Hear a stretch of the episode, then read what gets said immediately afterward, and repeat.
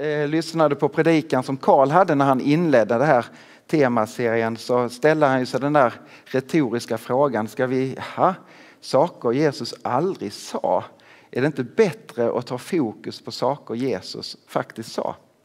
Men tanken med den här temaserien är att ändå få slå an toner ifrån sånt som kanske ligger i vår tid eller i ett tänkande som faktiskt Jesus kanske får möta upp i och säga något annat.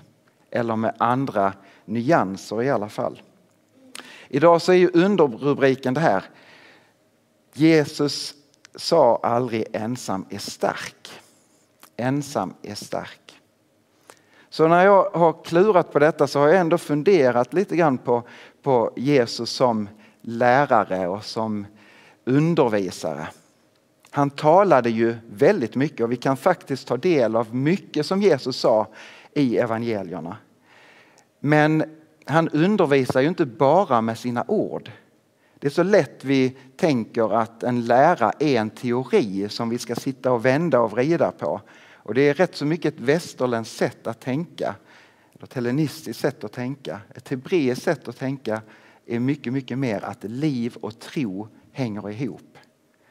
Och därför så är det inte bara vad Jesus säger utan vad Jesus gör. Han undervisar med hela sitt liv.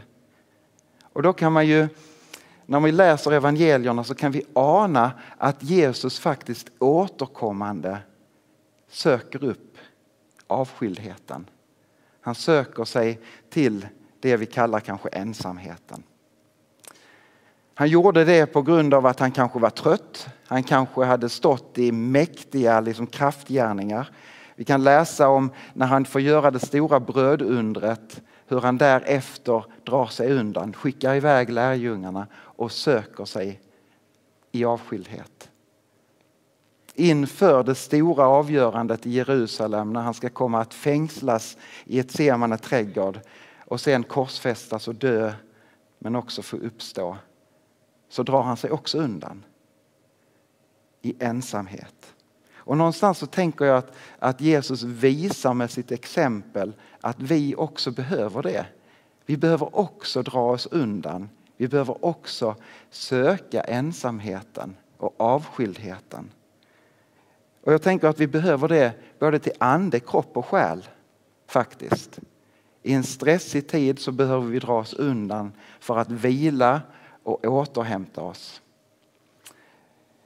Men så är det så att Jesus han söker ju inte ensamheten för att liksom gå in i sig själv. Utan han söker ensamheten för att umgås med Fadern. Att få kraft ifrån Fadern, få lyssna på himlens tilltal. Jesus säger ju det, jag gör ingenting utan att Fadern påbjuder det. Och så kan det också bli en hälsning till oss att när vi söker avskildheten inte söka ensamheten utan faktiskt söka en gemenskap med Herren. Jag tror att det är en stor, stor skillnad på den där ensamheten som är vald och som jag medvetet går in i och som jag, som jag kanske behöver. Jämfört med den ensamheten som tränger sig på och som faktiskt tär på mitt liv. Den där som jag inte önskar men som jag kan hamna i en dag. Så tänker jag att vår tid som vi nu har fått leva i på ett speciellt sätt det senaste halvåret och lite mer än det i vår del av världen, andra delar av världen ännu längre. Med den här pandemin som har drabbat faktiskt hela jordklotet. Jag vet inte hur, just nu kanske vi kallar det coronahalvåret men vi vet inte alls hur länge det dröjer sig kvar som gör att livet ser så olika ut för oss. Vissa människor har jobbat kanske nästan mer än vad man har gjort tidigare. Har kanske mött väldigt många fler människor under den här perioden som man nästan är liksom, jag pallar inte fler. Någon kanske upplever det.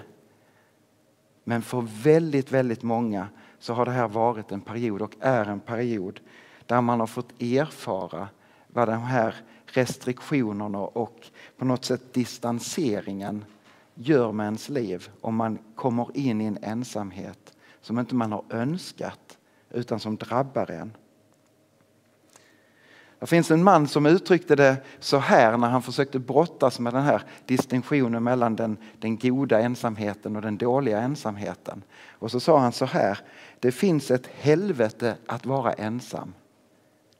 Men det finns ett himmelrike att kunna vara det.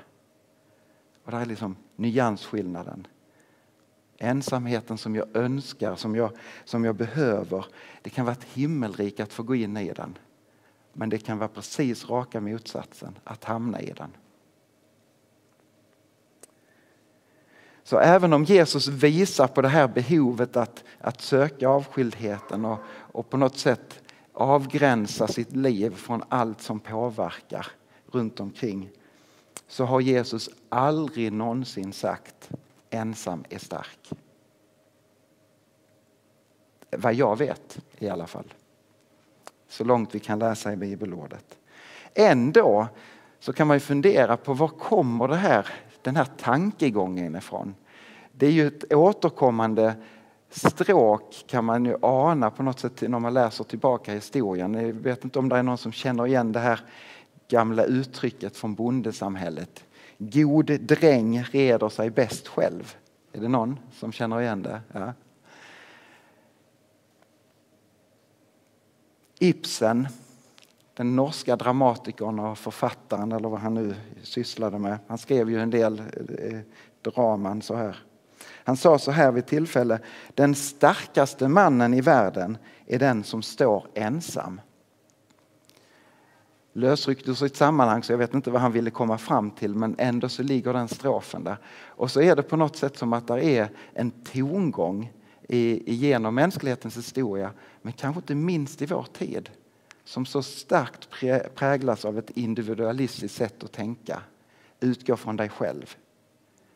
Ensam är stark. Så kan man ställa följdfrågan, vad hjälper det att vara stark om man är ensam? Om man får nytta av det? Jag sprang på en, en, artikel för ett antal år sedan och jag kunde liksom bli påmind om den och, och hitta den i mina gömmor där hemma. En artikel där några författare skriver just om, om eh, ensamhetens problematik. Har några år på nacken men kändes oerhört aktuell att läsa igen.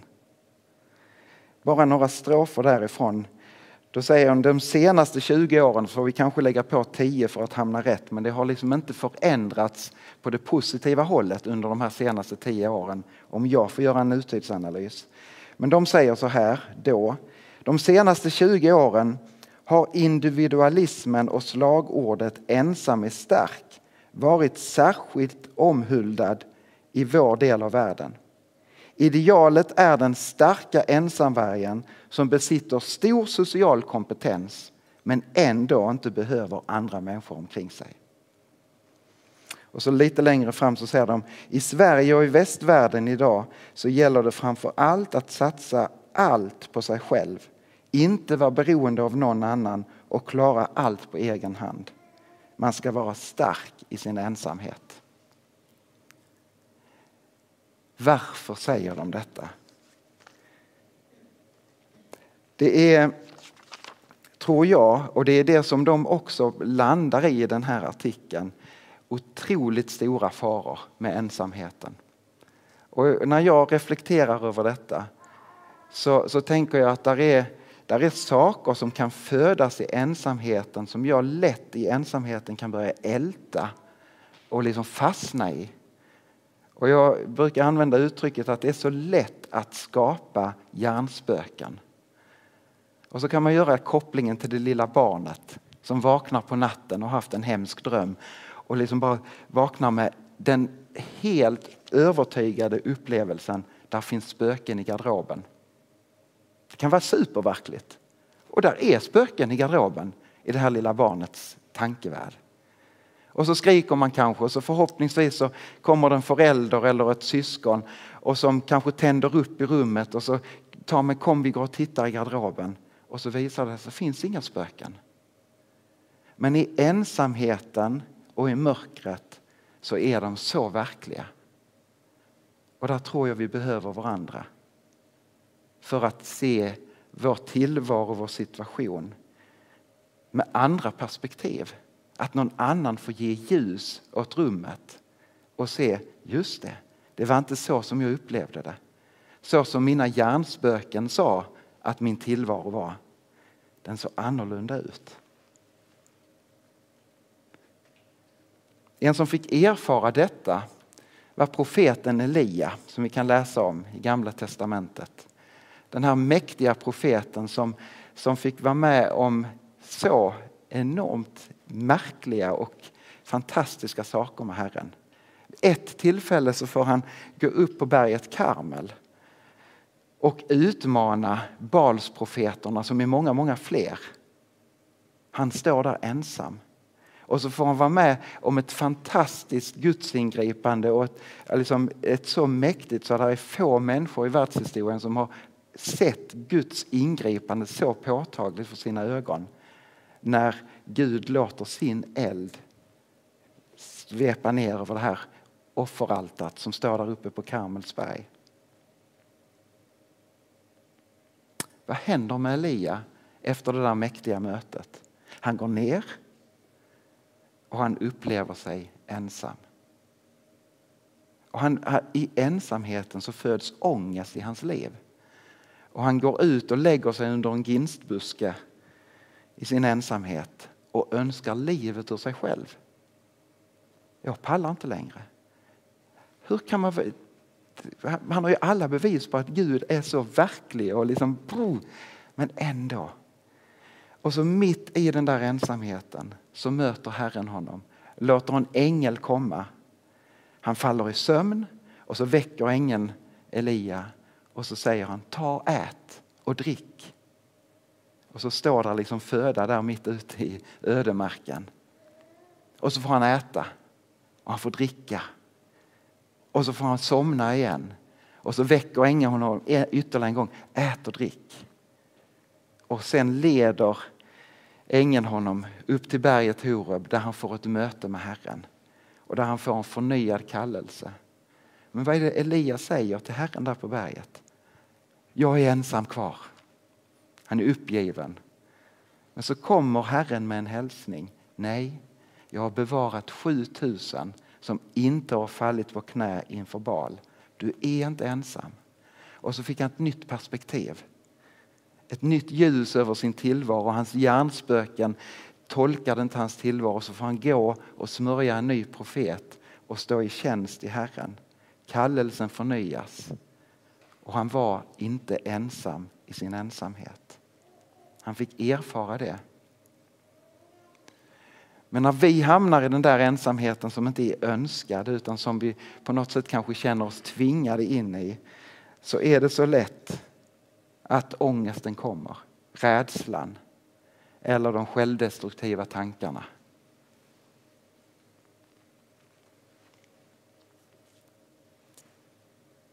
Och så kan man fundera på om det är så att i vår tid där är tongångar eller ett levnadssätt som kanske förstärker detta trots allt. Jag vill inte säga att jag har allt rätt i detta naturligtvis men, men man kan ändå ana att vi har varit med om ett skifte på några generationer egentligen. Där man har levt tidigare mycket mer ute och idag lever vi mycket, mycket mer inne.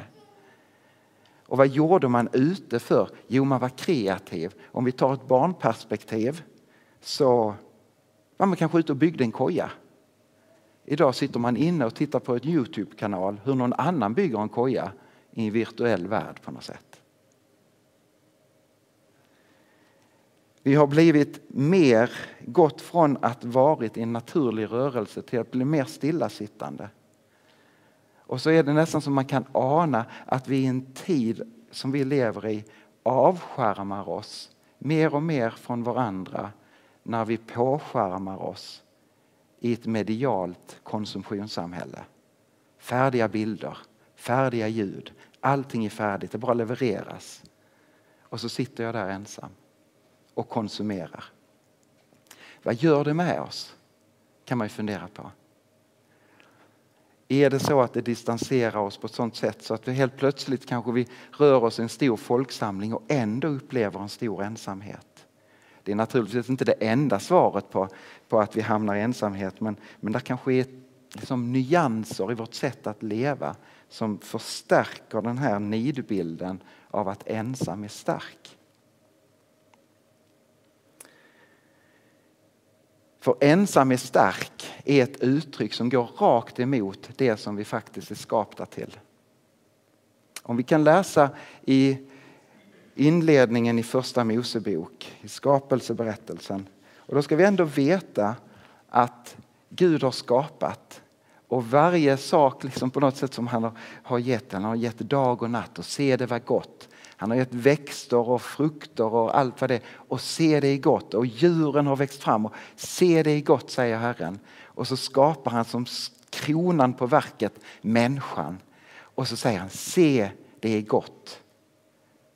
Men mitt i paradiset en fortfarande syndfri tillvaro där allt är på något sätt i harmoni så är det något som inte är bra.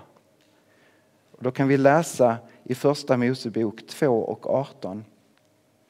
Herren Gud sa, det är inte bra att mannen är ensam. Jag ska ge honom någon som, han kan, som kan vara honom till hjälp. Mitt i den här tillvaron så lyser det fram, det är inte bra att människan är ensam. Någonstans är vi i grunden skapade till gemenskap och till relation med Gud själv men faktiskt också till varandra. Och det kan ju få sig väldigt olika uttryck. När man får reflektera över det här med ensamhet så tänker jag att det är alltid viktigt att få utgå ifrån detta. Att i tron på Jesus Kristus är jag aldrig ensam. Det är en omöjlighet. Herren har gett ett löfte om att alltid gå med oss i tron på honom. I eftermiddag ska vi ha dop här och då, då läser vi dopbefallning eller missionsbefallning där Jesus ger löftet. Jag är med er alla dagar till tidens slut. Han har gett oss hjälparen. Gud själv har flyttat in på vår insida och säger jag kommer alltid slå följe med ditt liv. Jag kommer aldrig någonsin att vara ensam. Jag kommer förmodligen att uppleva ensamhet men den är inte sann i tron på Jesus. Så någonstans får jag liksom, liksom alltid utgå från det. Jag har min styrka i Herren. Jag har min styrka i att han är den som slår följe med mitt liv. Men vi har också en styrka i varandra. Att förstå vid varandras sida, att vara varandras liksom utsträckta hand och visa omsorg på andra sätt. Någonstans kan man säga så här att vi inte vi är inte kallade att bara tro utan vi är också kallade att tillhöra. Tillhöra Herren men också tillhöra varandra. Paulus han skriver så här i Romarbrevet 12 och vers 4 och 5. Ty liksom vi har en enda kropp men många lemmar, alla med olika uppgifter, så utgör vi, fast många, en enda kropp i Kristus. Men var för sig är vi lemmar som är till för varandra. En beskrivning av församlingen och Guds tanke hur vi ska få leva tillsammans. Vi är till för varandra. Detta är en strof som, som blir tydlig när vi firar nattvarden tillsammans. Så är vi fastän många i en enda kropp, ty alla får del av ett och samma bröd. Och vår på något sätt enhet, att vi hänger ihop, det sitter liksom inte i någon organisation eller i, i liksom ett medlemskap eller så, utan det sitter i Kristus. Vi är ett i honom. Tillhörigheten sitter där. Ändå så är det så viktigt att inte bara tänka jag ska bara överlåta mig till Herren utan också överlåta oss till varandra. Du är en del av kroppen. Inte på grund av vad du gör eller inte gör utan för att du är den du är. Du är inlemmad i kroppen. Du är en del av den. Och ibland kan man fundera på det, vad händer med en kroppsdel som blir avskild från kroppen? Låt oss säga att den här handen ryker och så lägger vi den här. Kroppen lever på något sätt vidare, begränsad för att det saknas en hand. Men vad händer med handen? Någon som är, vill gissa? Den ruttnar. Den förtvinar. Och det är en rätt allvarlig bild om vi liksom använder Paulus bild i det avseendet. För att någonstans är faran att glida ifrån varandra så finns faran att det kan upplevas som torka. Kanske inte dör i ett evigt perspektiv, men jag kan få en andlig torka.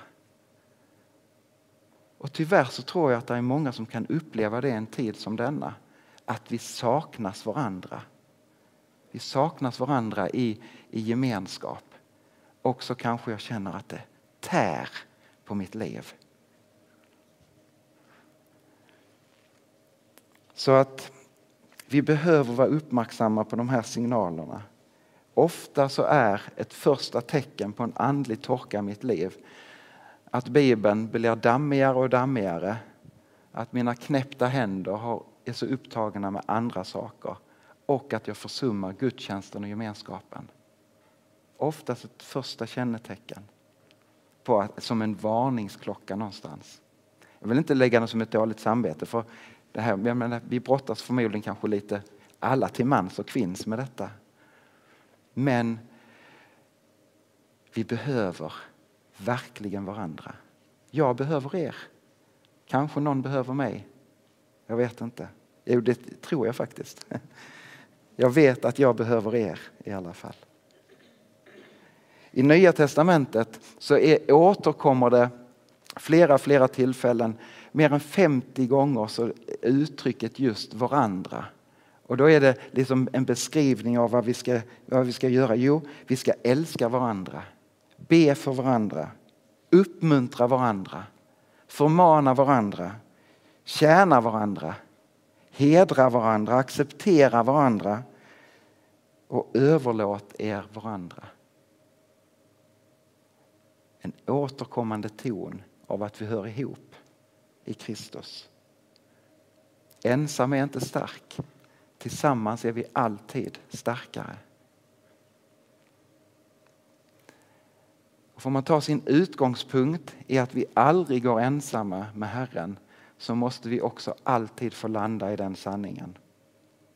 Om allt annat rämnar, om jag hamnar frivilligt eller ofrivilligt i en ensamhet som jag, som jag inte kan på något sätt ta mig ur så måste jag få vila tryggt i sanningen. Jag går aldrig ensam i tron på Jesus Kristus. Man kan uppleva perioder där livet på något sätt nästan blir avklätt. Och det blir dött. Vi är på väg in i hösten. Löven håller på att gulna. Löven faller av och träden kommer snart att nästan se döda ut. Men de är inte döda. De är i vila inför våren och så ska de få springa fram igen i full blom.